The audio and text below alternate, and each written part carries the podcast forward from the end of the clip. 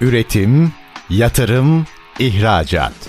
Üreten Türkiye'nin radyosu Endüstri Radyo sizin bulunduğunuz her yerde. Endüstri Radyo'yu arabada, bilgisayarda ve cep telefonunuzdan her yerde dinleyebilirsiniz. Endüstri Radyo.com Göksal Serdar'ın hazırlayıp sunduğu depreme dayanıklı binalar başlıyor. ST Endüstri Radyo Depreme Dayanıklı Binalar programından herkese merhabalar. Deprem konusunda e, aslında İstanbul Anadolu yakasında e, çok önemli işlere imza atan özel bir konuğumuz var. Kendisini hemen anons etmek istiyorum. Hocaoğlu Grup İnşaat AŞ Yönetim Kurulu Başkanı, Yüksek İnşaat Mühendisi ve Makine Mühendisi Sayın Okan Hocaoğlu Bey konuğumuz. Okan Bey öncelikle hoş geldiniz. Hoş bulduk, teşekkür ederim. Nasılsınız efendim, iyi misiniz? Sağ olun, sizleri sormalı. Sağ olun, çok teşekkür ediyoruz. Biz e, Endüstri Radyo'daki depreme dayanıklı binalar programında e, müteahhit firmalarımızı da ağırlıyoruz. E, malzeme tarafındaki firmalarımızı da ağırlıyoruz. Ve sizin gibi gerçekten girişte de bahsettiğim gibi Anadolu yakasında ilk sismik izolatörlü konut projesini hayata geçiren bir firmanın tecrübelerini de aktarmaktan ayrıca çok e, memnun olacağız. Bu anlamda söyleyeceğiniz şeyler bizim için çok kıymetli.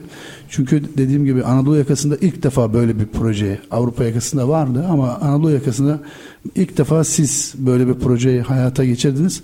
Bu da sizin aynı zamanda e, akademik kariyerinizle de örtüşen bir durum. Çünkü inşaat yüksek mühendisisiniz. Dolayısıyla konuya e, yakinen zaten hakimsiniz. E, bu süreç nasıl başladı bunların hepsini konuşacağız ama önceki bir e, hem sizi hem de firmanızı tanıyarak başlayalım sohbetimize. Öncelikle ben e, radyonuz hakkında bir iki bir şey söylemek istiyorum. Buyurun. Endüstri radyo olarak sektörel bazlı yaptığınız çalışmaları yakından takip ediyorum ve bu konuda sizi tebrik ediyorum. Gerçekten e, güzel çalışmalar yapıyorsunuz. Dolayısıyla radyonuzun bir bölümü olan e, yapı konusunda biz de buraya davet ettiğiniz için hem şahsım hem de şirketimiz adına size teşekkür ederiz. Biz teşekkür ederiz efendim. Sağ olun. Eksik olmayın. Sağ olun. Bizler ikinci kuşak aile şirketiyiz. Babalarımızdan almış olduğumuz e, bayrağı kutsal düzeyde değerlendirip elimizden geleni yapmaya çalışıyoruz. Sismik izolatör özellikle depremden sonra çok konuşuldu. Tabii bizler de üzerimize düşen ne varsa yapmaya çalışarak kendi projelerimize uygulama kararını aldık. Tabii bu yapılar özel e, yapı statüsünde değerlendirildiği için prosedür olarak çok fazla e, detayları var. E, tabii ki ilk defa bizim de ilk defa yaptığımız bir çalışma olduğu için bazı zorluklara hemen adapte olarak şu anda Sancaktepe'deki Rosa vizyon konaklarında bu sistemi son deprem teknolojisi olan sistemi uygulama kararı aldık. İnsanları e, bu noktada bilinçlendirmek hem medya aracılığıyla hem de bizim yaptığımız çalışmalar aracılığıyla çok önemli olduğunu biliyoruz. İnşallah insanlar da bu konuda bilinçlenip daha çok böyle yapıların ön plana çıkması konusunda bir As- ön ayak olmuş oluruz inşallah. Kesinlikle ben kelimenin tam anlamıyla onu söylemek istiyordum. Aslında burada bir öncü e, konumundasınız. Şunun için söylüyorum. Biz bütün programlarımızda bu depreme dayanıklı binalar programlarımızda hep konuklarımıza dahil hep şunu konuştuk. Ana fikir şuydu. İnsanlar artık ev satın alırken, konut satın alınırken e, özellikle bu depremler sonrası da onların verdiği hassasiyetle birlikte evinin depreme dayanıklılığını sorgulama noktasını en ön planda tutma anlayışına doğru yavaş yavaş evriliyor toplum.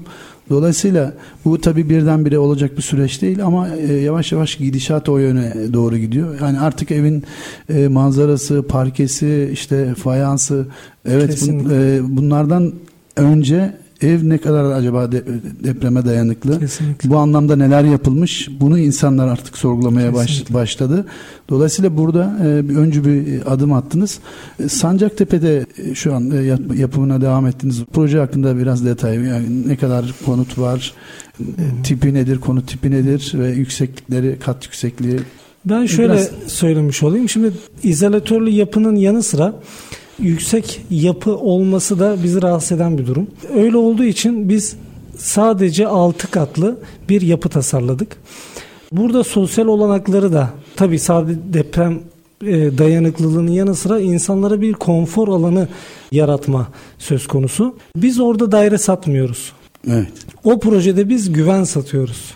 Evet, Bakın bak. bu çok önemli. Yani bir baba olarak çocuğumuzun, eşimizin e, yastığa başını rahat koyduğunun hissiyatının paha biçilemez olduğuna inanıyoruz. Ve o yüzden her bir detayı incelikle ve üzerinde çok büyük çalışmalarla açıp daha çok derine inmeye çalışıyoruz. Yani düşük kat güven çerçevesinde güvenilir yapı üzerinde geliştirme e, devam ediyor. Bir de bir slogan e, bulduk. Evet. Dedik ki depremde sadece beşiğiniz sallansın. Hakikaten e, güzel, çok önemli bir mesaj da içeren bir slogan. Evet. Güveni, güveni vurgulayan bir slogan. Kesinlikle. Ben şunu da sormak istiyorum yeri gelmişken e, Okan Bey müsaadenizle. Dediğiniz gibi e, aslında sohbet kısmında biraz bahsettik ama sismik izolatörler aslında böyle kamu binalarında ya da hastanelerde ya da böyle kritik e, yapılarda yani depremden hiçbir şekilde zarar görmemesi, yıkılmaması gereken hemen depremle bir deprem sonrası yaşamın devam ettiği kritik yapılarda daha çok tercih ediliyordu. Konutla ilgili de son dönemde tercih edilmeye yavaş yavaş başlandı ki siz dediğim gibi bu konuda öncü firmalardan birisiniz. Dolayısıyla konutlarda da insanlar artık güvenli bir binada oturmanın e, satın almak istiyorlar. Bu öncelikli bir tercih olmaya o- oldu. E, sizi buraya iten e, nedenler neydi? Hem sizin tabii ki bir inşaat mühendisi olmanız, o vizyonunuz, o eğitiminiz tabii ki çok çok önemli. Ama e, burada şimdi bir maliyet unsuru da var tabii ki. Ama ne olursa olsun aslında e, gidişatın e, o, o yöne doğru gittiğini siz daha öncesinden görerek aslında bir öncü bir adım da attınız. E, biraz olayın çıkış noktasından da bahsedebilir miyiz? Olayın çıkış noktası aslında çok belli. Yaşadığımız deprem. Evet. Şimdi deprem olduktan sonra zaten bir ay, bir buçuk ay resmen hayat durdu. Aynen. İnsanlar ne olduğunu anlamadı. Deprem bölgesinde olan olmayan herkes bir şekilde acı, acıları paylaştı. Çok kritik nokta olarak şunu söyleyebilirim. Bir video gördüm. Kız enkaz altında. Babasına sesli mesaj gönderiyor. Diyor ki baba ben nefes alamıyorum. Baba burası çok karanlık korkuyorum. Evet. Baba ne olur kurtar beni. Hiçbir şey duyamıyorum. Böyle 8-10 tane mesaj atıyor. Tabi şebekeler olmadığı için mesaj gitmiyor. Evet. Ertesi gün baba bu mesajları WhatsApp üzerinden kızının sesinden duyuyor. Tabii ki kız da ölmüş oluyor. Evet. Çok acı ama. Şimdi bu gerçekten çok acı. Ee, bir, kendimi o babanın yerine koydum. Evet.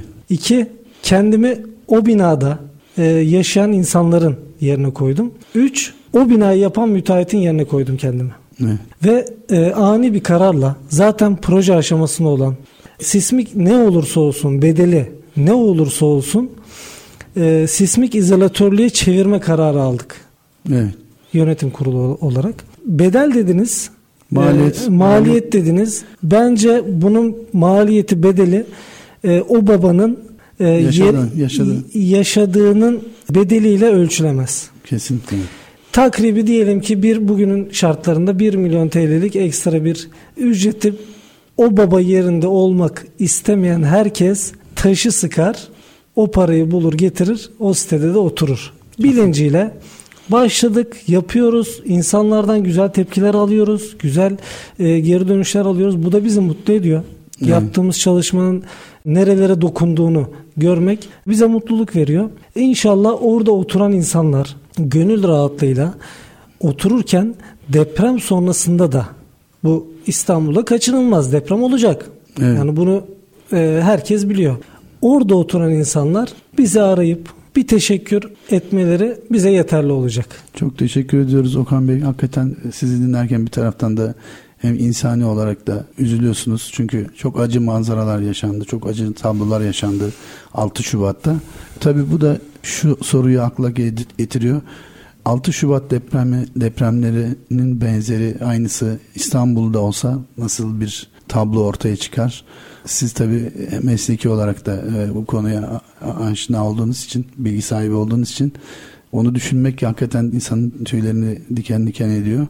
Bu konuda neler söylemek istersiniz? Ee, Allah geceden versin. Bu deprem olduğu takdirde İstanbul gerçekten yaşanmayacak duruma e, gelecek. Yani kentsel yapılaşma konusunda olan sıkıntılarımız sürekli artıyor. Tabii sosyal konut projeleri bu açıdan e, önemini sürekli arttırıyor. Ama biraz da özel olarak yani proje bazında konuşacak olursak biraz önce söylediğiniz gibi özel yapılarda yani kamu kurum, işte hastane, e, adliye bu tür kurumlarda deprem sonrası dahi yapıların kullanımına devam etme zorunluluğu var. Dolayısıyla o yapılarda 2013'ten sonra izolatör zorunlu hale geldi. Yalnız konutlarda bu şekilde değil. Buradan yola çıkarsak bir hastane gibi tasarımı yapılmış olacak. Yani bu ne demek oluyor? Deprem olacak ve siz hiçbir şey olmamış gibi tabiri caizse biraz abez olacak belki evinizde televizyonunuzdan acaba mahallemde ne olmuş? Acaba İstanbul'da ne olmuş diye televizyonları izleyeceksiniz. Böyle hmm. bir yapı. izolatörlü yapılar. Ya maliyete ben çok takılmıyorum. Çünkü Japon halkının deprem esnasında görüntüleri sosyal medyada çok fazla. Evet, evet. Adamlar depremde gayet normalmiş gibi hiçbir ve onlar için normal. Evet. Hani normalmiş gibi değil. O, o gibi normal. bizim ülkemiz için geçerli. Aslında bu doğal bir rüzgar esmesi gibi e, bir süreç. Bundan korkmaksa bize mahsus gibi. Evet yapısına güvenmeyen bizim ve, veya zeminine. Kesinlikle. Evet. Ve e, Japon bilim adamı diyor ki biz diyor yapılarımıza güveniyoruz ve bize inanamıyorlar. Evet. Bu çok ilginç değil mi? Bize çok e, ilginç gelmeye başladı. Tabii bizim de hani bu depremden sonra yaşadığımız süreç bizi bu bakış açısına getirdi. Biz de binamızı yapalım, satalım, bitsin diğer binamızı yapalım, satalım mantığındayken artık insanların hayatlarını güvende tutalım bakış açısıyla ilerliyoruz. Kesinlikle çok doğru bir bakış, bakış açısı Okan Bey. E, şimdi ilk bölümümüzün yavaş yavaş sonuna gelirken e, şunu da söylemek istiyorum. İkinci bölümde detaylarını konuşacağız ama sismik izolatör nedir? Belki bizi dinleyenler e, çok fazla bilgi sahibi değildir ama sizin gözünüzde ve bu anlamda siz yapının temellerini ve kolonlarını oluştururken izolatörleri nereye kullanıyorsunuz? Ya da izolatörler, sismik izolatörler e, yeni yapılan binaların dışında mevcut binalara da ilave edilebiliyor mu, kullanılabiliyor mu buralarda? Çalışma mantığı nedir? Bunları da sizden rica edeceğiz. Ama şimdi ilk bölümümüzün sonuna geldik. Kısa bir reklam aramız var. Akabinde tekrar sohbetimize kaldığımız yerden devam edeceğiz. Üretim, yatırım, ihracat. Üreten Türkiye'nin radyosu Endüstri Radyo sizin bulunduğunuz her yerde. Endüstri Radyo'yu arabada, bilgisayarda ve cep telefonunuzdan her yerde dinleyebilirsiniz. Endüstri Radyo.com ST Endüstri Radyo Depreme Dayanıklı Binalar programından tekrar merhabalar. Ee, programımızın ilk bölümünde Hocaoğlu e, Grup İnşaat AŞ Yönetim Kurulu Başkanı, İnşaat Yüksek Mühendisi ve aynı zamanda makine mühendisi Sayın Okan Hocaoğlu ile keyifli bir sohbet e, gerçekleştiriyorduk. Aslında özeti şuydu, gerçekten e, doğru bir planlamayla, doğru bir hamleyle öncülük yaparak Anadolu yakasında bir sismik izolatörlü e, konut projesini hayata geçiriyor e, Hocaoğlu grup. Gerçekten çok e, kıymetli. Biz çünkü bunu müteahhitler tarafından hep merak ediyorduk. Hani sizin gibi projeler var ama hani ne zaman yaygınlaşır bu depreme dayanıklı bina e, bilinci nasıl gelişir? Ne zaman toplumda ilk öncelikler arasına girer diye. Bu tarz projeler çoğaldıkça zannediyorum toplumda artık bunu en öncelikli sıraya koyacaktır. Burada tabii e, özellikle şunu e, sismik izolatör konusunda da hani bir bilgi vermek gerekiyor aslında. E, o bilgiyi sizden rica edeceğiz Okan Bey. Sismik izolatör tam olarak ne işe yarıyor? Bize biraz teknik de dayanarak kısaca bir özetleyebilir misiniz? Tabii ki şimdi sismik izolatör deprem için son teknoloji. İşte Japon insanlardan konuştuk. Japonya'da raylı sistem diye adlandırılan bir sistem. Deprem içinde kesin çözüm şu anki teknolojiye göre. Bunu basit bir dille anlatacak olursak deprem esnasında alt taraf yani izolatörün altı ve izolatörün üstü diye ikiye ayıracak olduğumuzda izolatörün altı sallanırken izolatörün üstü sallanmıyor. Evet. Temel mantık bu. Ve yapının da deprem sınıflarına göre güçlü olması gerekiyor. Deprem evet. sınıfları nedir? DD1, DD2, DD3 diye devam eder. Depremin düzeylerini anlatır.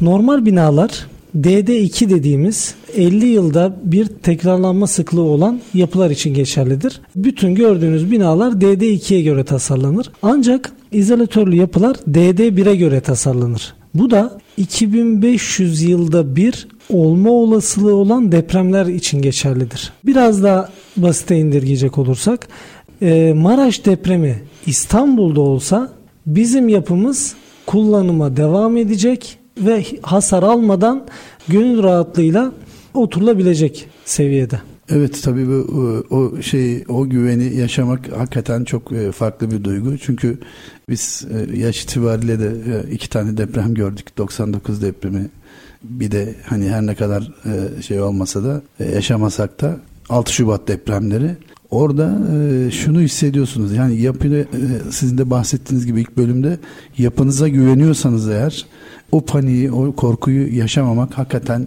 paha biçilemez bir şey. Yani hep söyleniyordu ya yani deprem değil bina insanı standartlara uygun yapılmayan binalar insanı öldürüyor. Dolayısıyla o olasılığı da ortadan kaldırdığınız anda gönül rahatlığıyla en büyük depremi bile evinizde hiç e, panik paniğe kapılmadan çocuklarınızla birlikte rahatlıkla gönül rahatlığıyla atlatabiliyorsunuz. Bu da çok farklı ve e, paha biçilemez bir durum bahsettiğiniz gibi. Tabi izolatörlerin e, mevcut binalara da yapılma durumu söz konusu mu? O konuda da biraz bilgi rica ederim. Çünkü insanlar artık hani yeniyi evet ama e, bir de mevcut binaya da artık şey izolatör koyabilir miyiz e, diye e, izolatör firmalarını arıyorlar açıkçası. Onu duyuyoruz firmalardan. O konuda da sizinden bilgi rica edelim. Eski yapılara izolatörün uygulanması teoride mümkün. Yani matematiksel olarak mümkün ama pratikte çok aşırı maliyetli ol, olacak. Yani uygulanması çok zor. Evet. Ee, insanların bunlarla uğraşmaması gerekiyor. Çünkü deprem düzeylerinden bahsettik. Bir izolatörün altında temel kalınlığının normal binaya göre iki katı yapma zorunluluğu var. Kolonlarını iki katı belki üç katı büyük yapma zorunluluğu var. Yani deprem esnasında bina sağa sola hareket ederken o deplasmanı karşılayacak altta kaideler. Evet. O kaidelerin güçlü olması gerekiyor. Ee, bu da teoride mümkün ama pratikte mümkün değil. Biraz önce bir şey söylediniz. İşte o güven yani o yat, yatağa rahat yatmanın vermiş evet. olduğu güven paha biçilemez dediniz. Kesinlikle sizinle aynı fikirdeyim. Deprem sonrasında işte haberlerde son durumu izlerken eşim bile yani evet. bir müteahhit düşünün. Kendi yaptığı binada oturuyor. Evde eşi ona soruyor. Diyor ki bizim yapımız acaba depremde yıkılır mı? Hı. Bakın müteahhitin eşi bile bunu soruyorsa başka bir binada oturan ve inşaatta hiçbir alakası olmayan evet. işte Adil amcanın, Fatma teyzenin depremden korkmaması mümkün değil. Kesinlikle. Ve böyle bir atmosferde sürekli deprem haberleri, kahvede deprem konuları konuşulurken sizin kişisel olarak böyle bir yapıda oturuyor olmanız çocuğunuza bakarken aldığınız veya verdiğiniz enerjide ve kafanızın rahat olmasında gizli oluyor aslında. Kesinlikle çok doğru e, Okan Bey. Bir de şunu sormak istiyorum hazır e, konuyu siz açmışken. Şimdi 6 e, Şubat depremleri sonrası özellikle hani sıkça eleştirilen 2-3 husus vardı. Çok sıklıkla böyle kamuoyunda, basında, medyada yer alan. Birincisi şuydu. Yapı denetim sistemimiz çok eleştirildi. Bu sistemin revize edilmesi gerekli. Şu manada müteahhit firma parasını verip bir firmaya kendisini denetlemesini istiyor yaptığı inşaatı ve o firmanın burada çok objektif olamayacağı dolayısıyla bu sistemin hani çok sağlıklı işlemediği yönünde ayrıca diğer bazı eleştiriler daha var ama genel anlamdaki e, eleştiri buydu. Ben e, şunu merak ediyorum. Şimdi müteahhit firmalar işi yaptırıyor. Bir de şunu söyleyeyim. Müteahhit müteahhit şunu bilmek e, zorunda değil. Yani müteahhit inşaatın her aşamasını bilmek zorunda değil. Yatırımcı neticede ama onu bilen bir teknik ekibi, ekibinin olması ve o ekibin de e, yapı denetim sistemi iyi denetli olunması aslında birçok şeyi otomatikman çözecek gibi e, düşünüyorum. Sizin e, bir müteahhit olarak ne düşündüğünüzü aynı zamanda bir inşaat mühendisi olarak da ne düşündüğünüzü merak ediyorum açıkçası. E, ben ilk önce şuradan e, başlayayım. Biraz önce dediğiniz e, bir müteahhitin süreci tam anlamıyla bilmek zorunda olmadığı konusunda ben burada biraz daha farklı düşünüyorum. Şu açıdan yönetimle işi yapan kişiler arasında şöyle bir fark var benim bakış açıma göre. İşi yapacak olan bütün detayları bilmeli. İşi yaptıracak olan yeteri kadar bilmeli. Evet. Böyle düşünüyorum. Ancak bizim ülkemizde müteahhitlik işi yapanların tabiri caizse hiçbir şey bilmeyerek bakın çok acı hiçbir şey bilmeyerek işe soyundukları bir süreç geçirdik. 2012'den başlayan işte manavcısının da inşaat sektörüne girdiği, kuyumcusunun da inşaat sektörüne girdiği, sanayicisinin de inşaat sektörüne girdiği çok anlamsız bir süreç yaşadık. Burada tabii ki müteahhit her şeyi bilemez ama birçok detayı bilmeli. Biz kendimizi yeni nesil müteahhit olarak adlandırıyoruz. İşin hem ikinci kuşak olmamız nedeniyle e, mutfaktan gelen bilgiler ve teknik bilgileri de teoriyle birleştirip bu sürece adapte olma konusunda kendimizi ayırıyoruz. Bunun haricinde yapı denetim sisteminden bahsettiniz. O söylediğiniz nokta önemliydi. Orada bir açık vardı. Onu da düzeltti bakanlığımız. Bu arada e, Çevre ve Şehircilik Bakanlığı bu konuda gerçekten iyi çalışıyor. Tabii ki her şey mükemmel olamıyor. Ama önemli olan e, yapılan işlemlerde eksikleri görüp ivedilikle bu eksikleri gidermek temel mantık oluyor. Bu konuda da herkesin hatası olabilir. Herkesin yanlışı olabilir. Ee, önemli olan bu yanlışları dediğim gibi en kısa sürede çözüp süreci en iyiye doğru götürme çabası. Ben bunu bizim işi sistemimizde görüyorum. Mesela son yapılan bir düzenleme daha İstanbul'daki yapı denetimler herhangi havuzdan atılıyordu ve uzaktaki mesela biz ağırlıklı Pendik'te çalışıyoruz veya Maltepe'de çalışıyoruz, Tuzla'da çalışıyoruz. Silivri'den yapı denetim atanıyordu. Evet. İnsanlar gelmekte zorlanıyordu. işi almakta e, imtina ediyorlardı. E, öyle olunca e, süreç zorlanıyordu. Onu da aştılar. İstanbul'u üç bölgeye ayırdılar. E, ve bu konuda e, bizim de fikirlerimizi alıyorlar. E, her söyleşide davet ediyorlar. Bakanlığımızdan bahsediyorum. Davet ediyorlar e, fikirleri alıp uygulamaya sokuyorlar. O konuda iyiler. Tabii ki hatalar, her e, mükemmelliği aramıyoruz. Burada hmm. olması gerekeni en iyiye çevirme noktasında adapte etme arayışında olduklarını görüyorum. O konuda düşüncelerim bu şekilde. Teşekkür ediyorum Okan Bey. Ee, sizin de bahsettiğiniz gibi evet hakikaten e, bir de şöyle bir şey var. Yani standartları ya da yönetmelikleri, yasaları, kanunları çok dört dörtlük bir şekilde mesela bizim 2018 deprem yönetmeliğimiz hakikaten dört dörtlük bir deprem yönetmeliği. Dünyada birçok e, ülkenin de hani örnek alınabileceği nitelikte bir deprem yönetmeliği. E, fakat bunun sahadaki uygulamasının çok iyi kontrol edilmesi gerekiyor. O anlamda e, ki e, eksikler umarım en kısa sürede giderilir ki bu yönde de adımlar atılıyor. O sorun da ortadan kaldırılacaktır diye düşünüyorum. Tabii bir kentsel dönüşüm konusu var ki siz de bu konuda zaten e, faaliyetle gösteriyorsunuz. İstanbul'da e, 200 bine yakın hasarlı ve ağır hasarlı binanın ivedilikle dönüştürülmesi gerekiyor. Ki bunu işte 600 bin e, civarlarında da diğerleri de katıldığında ikinci derece e, dönüştürülmesi gerekenler de katıldığında dolayısıyla sadece İstanbul için çok ciddi bir şey var. Depreme hazırlıklı olmayan, dayanıklı olmayan bir yapı stoğu var ve burada süratle e, adım atılması gerekiyor. İşte son kentsel dönüşüm yasasında da bir takım revizyonlar yapıldı biliyorsunuz. Süreci e, hızlandıracak özellikle 50 artı bir önemliydi bu noktada. Bu yeni yasayı, e, revize edilen yeni yasayı nasıl değerlendiriyorsunuz? Sağda e, yaşadığınız e, sıkıntılara aşma noktasında ne kadar şey olacak? Bir de finansal işin finansal kısmıyla ilgili bir takım teşvikler ve e, de gündeme getirilirse daha hızlı yol alınır diye de yapıcı eleştiriler de var. Bu konuda neler düşünüyorsunuz? Tabii ki devletimiz bu konuda çalışmalar yapıyor sosyal devlet e, bakış açısıyla. Ancak ben biraz daha insanlar üzerinde değerlendirmek istiyorum bu süreci. İnsanlar kentsel dönüşümde çok ufak ayrıntılara takılıp süreci baltalayabiliyorlar. İşte benim cephem kayboldu, benim katım düştü, benim işte metrekarem Metrekare. düştü, benim e, işte hatıralarım var, babamdan kalma işte ama tabii ki bunlar değerli. ancak insan canından değerli değil. Ee, bizim halk olarak bilincimizin değişmesi lazım. En önemli mesele bunun olduğunu düşünüyorum. Eğer bu olmayacak düzeydeyse e, bir şekilde de hayatların kurtarılması yönünde çalışmaların yapılması gerekiyor. Devlet de burada zorunluluk dahilinde e, biraz zoraki süreci hızlandırma babında hamleler yapma çabasında. Ben destekliyorum benim şahsi fikrim.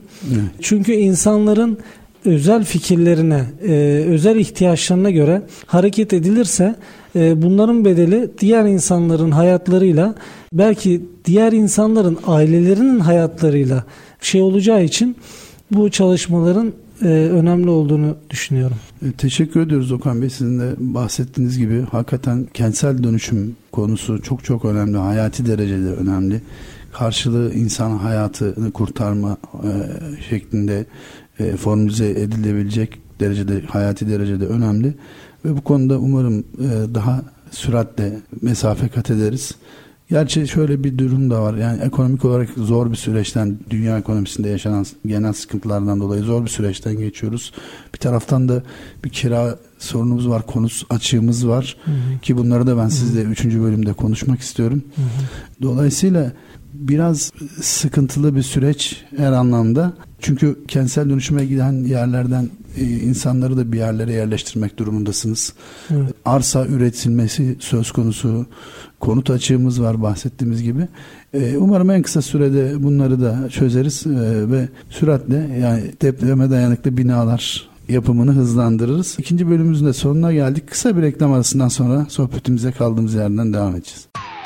Üretim, yatırım, ihracat. Üreten Türkiye'nin radyosu Endüstri Radyo sizin bulunduğunuz her yerde. Endüstri Radyo'yu arabada, bilgisayarda ve cep telefonunuzdan her yerde dinleyebilirsiniz. Endüstri Radyo.com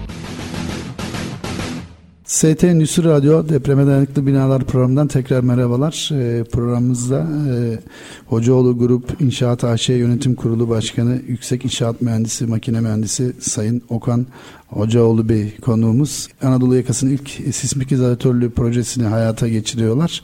Hem bu projeyi konuştuk, sismik izolatör konusunu konuştuk. En son kentsel dönüşüm noktasında kalmıştık ki gerçekten çok çok önemli bir konu. Süratle halletmemiz gereken bir konu. Şimdi bazı yerlerde tıkanıyor süreç. E, yasalar da devletimiz, hükümetimiz sürecin önünü açmak, hızlandırmak için yasalar da çıkarıyor.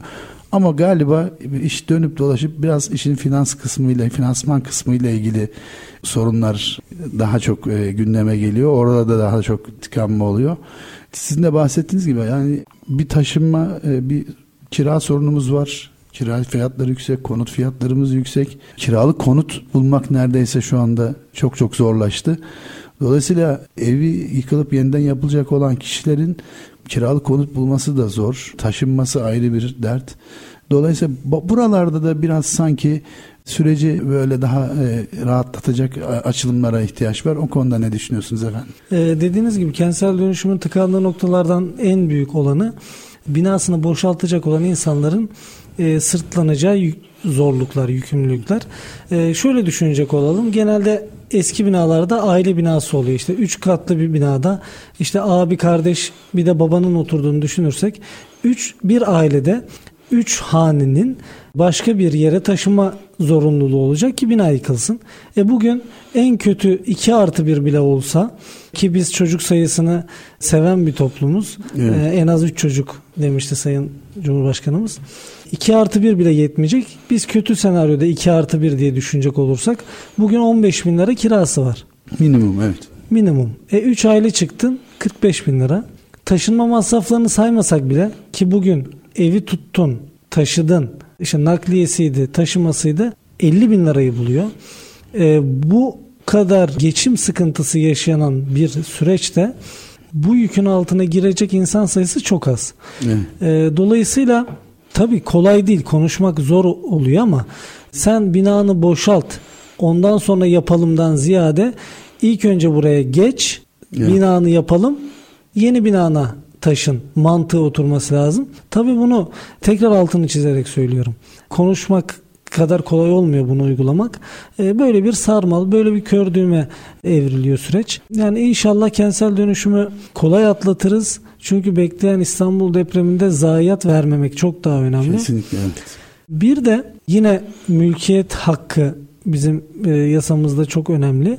Mülkiyet hakkını ihlal edecek bir fikir belki olabilir. Öyle düşünebilirsiniz ama bizim dönüşümlerimizin ada bazlı, mahalle bazlı olması gerekiyor. Bu da uygulamak çok zor. Bir parsel 200 metrekare, 300 metrekare ufacık ufacık binalar yapılıyor. Yollarımız zaten yani 10 metrede bir dönemeçli, kıvrımlı. Evet. Yani kentsel dönüşümü planlarken biraz daha e, büyük yapıların hiç olmuyorsa ada bazlı. Burada da işte devlet eliyle biraz zoraki olacak. Mülkiyet hakkında belki çiğnemiş olacak ama sosyal bir devletin önemi de burada ortaya çıkmış oluyor. Teşekkür ediyorum Okan Bey. Bir de yine laf açılmışken bu yüksek konut fiyatları tırnak içinde söylüyorum. Yüksek e, kelimesi ve kiralar konusuna gelmek istiyorum. Pandemi öncesinde aslında şöyle haberleri medyada, basında çok sık duyuyorduk. İşte konutta e, balon, e, işte talebin çok üstünde bir arz var falan diye böyle haberler balonlardan bahsediliyordu. Fakat gelinen noktada aslında görüldü ki Türkiye'nin aslında Türkiye'nin İstanbul'un Türkiye'nin e, bir konut açığı zaten var ve bu her yıl üretmesi üretilmesi gereken bir konut adeti var. Dolayısıyla pandemiden sonra o pandemi süreçte de konut üretiminde e, frene basılınca pandemiden sonra artık o iyice gün yüzüne çıktı ki evet bizim konut açığım, açı, açığımız var. Aslında bir balon falan da yok. Tabii ki o pandeminin etkisiyle de birlikte başlayan bir enflasyonist ortam Dolayısıyla maliyetler, inşaat maliyetleri hem arsa maliyetleri hem e, inşaat malzemeleri maliyetleri yükseldi ve bir anda konut satın almak özellikle belli kesimler için tırnak içinde çok çok zorlaştı. Dolayısıyla ve şey de bulamıyorsunuz artık. Yüksekliği bir tarafa bir de kiralık konut da bulamıyorsunuz. Böyle bir çıkmaza girdi iş. Sizce bu süreci e, bu noktaya getiren etmenler nelerdi ve bu süreç aşılması için yani daha çok konut yapılıp e, konut açığının düşürülmesi ve konut fiyatlarının ve e, kira kiraların e, daha makul seviyelere inmesi için nasıl bir e, o, e, e, iklim oluşmalı? Dediğiniz gibi pandemiden sonra ciddi bir fiyatlarda artış oldu. E, bunun tabi sadece şundandır demek doğru değil. Birçok etkisi var. Birincisi 2018'de yaşanan bir kriz vardı inşaat sektöründe. E, o dönemde biz aktif 150 daire, o zaman bizim için büyük şeydi. 150 daireli imalatımız sürecinde e, gerçekten stok vardı. Yani evet. elimizde bizim o dönem e, belli bir daire sayısı mevcuttu ve satışı çok zordu. Evet. Yani mal ediyorduk o dönemki şartlarda diyelim 100, 150 bin liraya. Bir de arsaya veriyorduk 150 bin lira. Dairenin minimum de, e, maliyetinin 300 bin lira olduğu e, dönemden bahsediyorum. 250 bin liralara satamadığımız dönemler oldu. Evet. Bakın mal ediyoruz. Maliyetine bırakın maliyetini biraz da zarar edelim. Hani süreci atlatalım mantığıyla. Öyle bir süreçte dahi dairelerin satılamadığı dönem oldu. Sonra tabii bir faiz indirim e, süreci oldu. İşte 0.69'lar, 0.64. O dönem bütün stoklar eridi. Evet. Sonrasında pandemi oldu. Pandemide tabii insanlar canını mı düşünsün, yapacağı binayı mı düşünsün mantığıyla üretim azaldı. Ee, sonra 2019'da müteahhit sınıflandırması çıktı. Dolayısıyla bence iyi bir yasaydı. Ancak o da süreci biraz yavaşlattı. Bunlar ülkemizle alakalı olan birkaç neden. Sonrasında da göç almaya başladı ülkemiz. Yani dünyadaki olan sıkıntılardan dolayı ülkemiz bir cennet. Yani o açıdan e, insan diğer ülke vatandaşlarının da talebi olmaya başladı. O da arz az, talep çok, fiyatı evet. arttırdı. En son e, yaşanan bu Rusya-Ukrayna savaşı o da çok etkili oldu ve sonra da tabii ki bu İsrail savaşı o da çok etkili. Bu sebeplerinden bazıları. Neden Hı. arttı? Sadece ülkemize alakalı değil, dünyadaki durumla da alakalı arz talep meselesinden dolayı ve maliyetlerdeki enflasyondan dolayı süreç bu şekilde arttı. Nasıl düzelir? Tabii ki düz mantık üretimle düzelir. Evet. Ne kadar çok üretirsek o kadar bollaşır o kadar e, ucuzlar mantığıyla. Burada ben belediyelere ve bakanlığımıza bu konuda yatırımcı müteahhiti, müteahhitlerin daha çok üretmeye teşvik edici belki yatırımla desteklenebilir, belki kredilerle desteklenebilir. Yani ne kadar çok üretirsek biz üretici firmalar olarak fiyatlar o kadar geri gelecektir. Bunun başka alternatifi yok. Ne kadar üretim o kadar fiyatların geri gelmesi. Evet e, ben e, bunu birkaç tane görüştüm müteahhitle de hep sordum. Açıkçası kişisel olarak da çok merak ediyorum. Nasıl bir strateji izliyorsunuz? Çünkü şöyle bir projeyi işte temelden sonra yavaş yavaş oluşturmaya başlarken siz bir fiyat belirliyorsunuz. Belki onu da e, lanse de ediyorsunuz. Fakat o siz yapımına devam ederken birçok kalemin fiyatı artıyor. Dolayısıyla onu absorbe edebilmek, fiyatları tekrar güncelleyebilmek ve günün sonunda projenin sonunda kar zarar dengesini koruyabilmek hakikaten zorlu bir süreç. Siz orada nasıl bir strateji izliyorsunuz efendim? Enflasyonist ortamlarda para kazanmak, kar etmek, büyük ticari e, bakış açısıyla ilerlemek çok doğru değil. Evet çok büyük paralar kazanılabileceği gibi çok büyük bataklar da verilebilir. Dünya olarak pandemiden sonra yüksek enflasyonun olduğu bir süreç geçiriyoruz. Evet. Biz üreticiler olarak maliyetlere yetişmekte zorluk çekiyoruz. Yani evet. sürekli fiyatı aldığımız ürünü haftaya siparişi geçtiğimiz takdirde fiyatlarının artmış olduğunu görüyoruz. Ee, gerçekten zor. Burada tabi devletimiz bir ailenin babası gibidir aslında. Yani vatandaşların babası konumundadır. Minimal ölçekte kendi ailesini düşünen baba çocuklarının refahı için bir şeyler yapma içgüdüsüyle hareket ediyorken e, devletimiz de bu mantıkla hareket e, ediyor zaten. Onda problem yok. Biraz daha sektörel bazlı özellikle konut sektörüyle alakalı çalışmaların artması insanların refahı konusunda da faydalı olabileceği düşüncesindeyim. Biraz açmanızı şöyle de şey yapacağım. Şimdi birincisi e, şunu istiyor müteahhitler. Diyorlar ki bizim en büyük sıkıntımız arsa. Arsa bulamıyoruz. Arsa şeyleri çok yüksek. İkincisi inşaatı e, malzemelerinden bazılarında fırsatçılık yapılıyor. Özellikle çimento ile ilgili bunu söylüyorlar. Bir iki kalem daha var. Dolayısıyla e, bunları e, çözebilecek formüller üretilmesi lazım diye. Siz ne düşünüyorsunuz efendim? Ben piyasaya müdahale noktasında biraz temkinli olunması fikrindeyim. Yani piyasalara çok fazla baskıcı, işte yasaklı müdahale edildiği takdirde bunun ters tepeceği kanaatindeyim. Ondan ziyade işte müteahhit firmalara ucuz krediler. Evet. Bir. İhracatçı firmalara ucuz krediler. iki. Üreticilere e, yani sanayicilere ucuz krediler noktasında e, devletin tabi bu da bir bütçe planlaması gerektiriyor. Yani biz buradan söylemekle e, evet. olmuyor ama e, bu noktalarda biraz daha çalışmaların arttığı serüvende insanların zaten fırsatçılığa girme eğiliminin de azalacağını düşünüyorum. Çok teşekkür ediyoruz Okan Bey. Hakikaten e, hem e, Anadolu yakasının ilk deprem sismik izolatörlü projesini sizinle konuştuk. Sismik izolatörleri konuştuk. Anadolu yakasında böyle bir projeyi hayata geçirmeniz hakikaten öncü ve vizyoner bir adım, adımdı. Bu anlamda sizi tebrik ediyorum. Akabinde kentsel dönüşüm konusunu konuştuk. Orada da e, oldukça e, ilginç yapıcı önerileriniz vardı. Son bölümde de inşaat maliyetleri, konut fiyatları ve, ve konut kirası kira, kiralar yüksek kiralarla ilgili e, düşüncelerinizi e, öğrendik. Bunlar tabii hani hepimizin hayatını birebir ilgilendiren konular. Hem deprem konusu, hem barınma konut konusu, hem kira konusu. Dolayısıyla e, işin içinde olan ve bizzat üreten bir firmanın e, yönetim kurulu başkanı olarak söyleyecekleriniz gerçekten çok önemliydi. Çok çok teşekkür ediyoruz Okan Bey bu keyifli sohbet için. Ağzınıza yüreğinize sağlık. Son sözlerinizi alıp ondan sonra müsaadenizle programımızı kapatalım. Ben çok teşekkür ederim. Çok güzel bir program olduğunu düşünüyorum. Konular açısından da önemli konulara değindiğinizi düşünüyorum. Ee, umarım dinleyicilerimiz keyifle dinleyeceklerdir. Çok teşekkür ediyoruz. Ee, ST Endüstri Radyo Depreme Dayanıklı Binalar programında Hocaoğlu Grup İnşaat AŞ Yönetim Kurulu Başkanı Yüksek İnşaat Mühendisi ve Makine Mühendisi e, Sayın Okan Hocaoğlu Bey konuğumuzdu. Kendilerine bir kez daha teşekkür ediyoruz. Haftaya farklı bir konu ve konukla tekrar karşınızda olacağız. Hoşçakalın.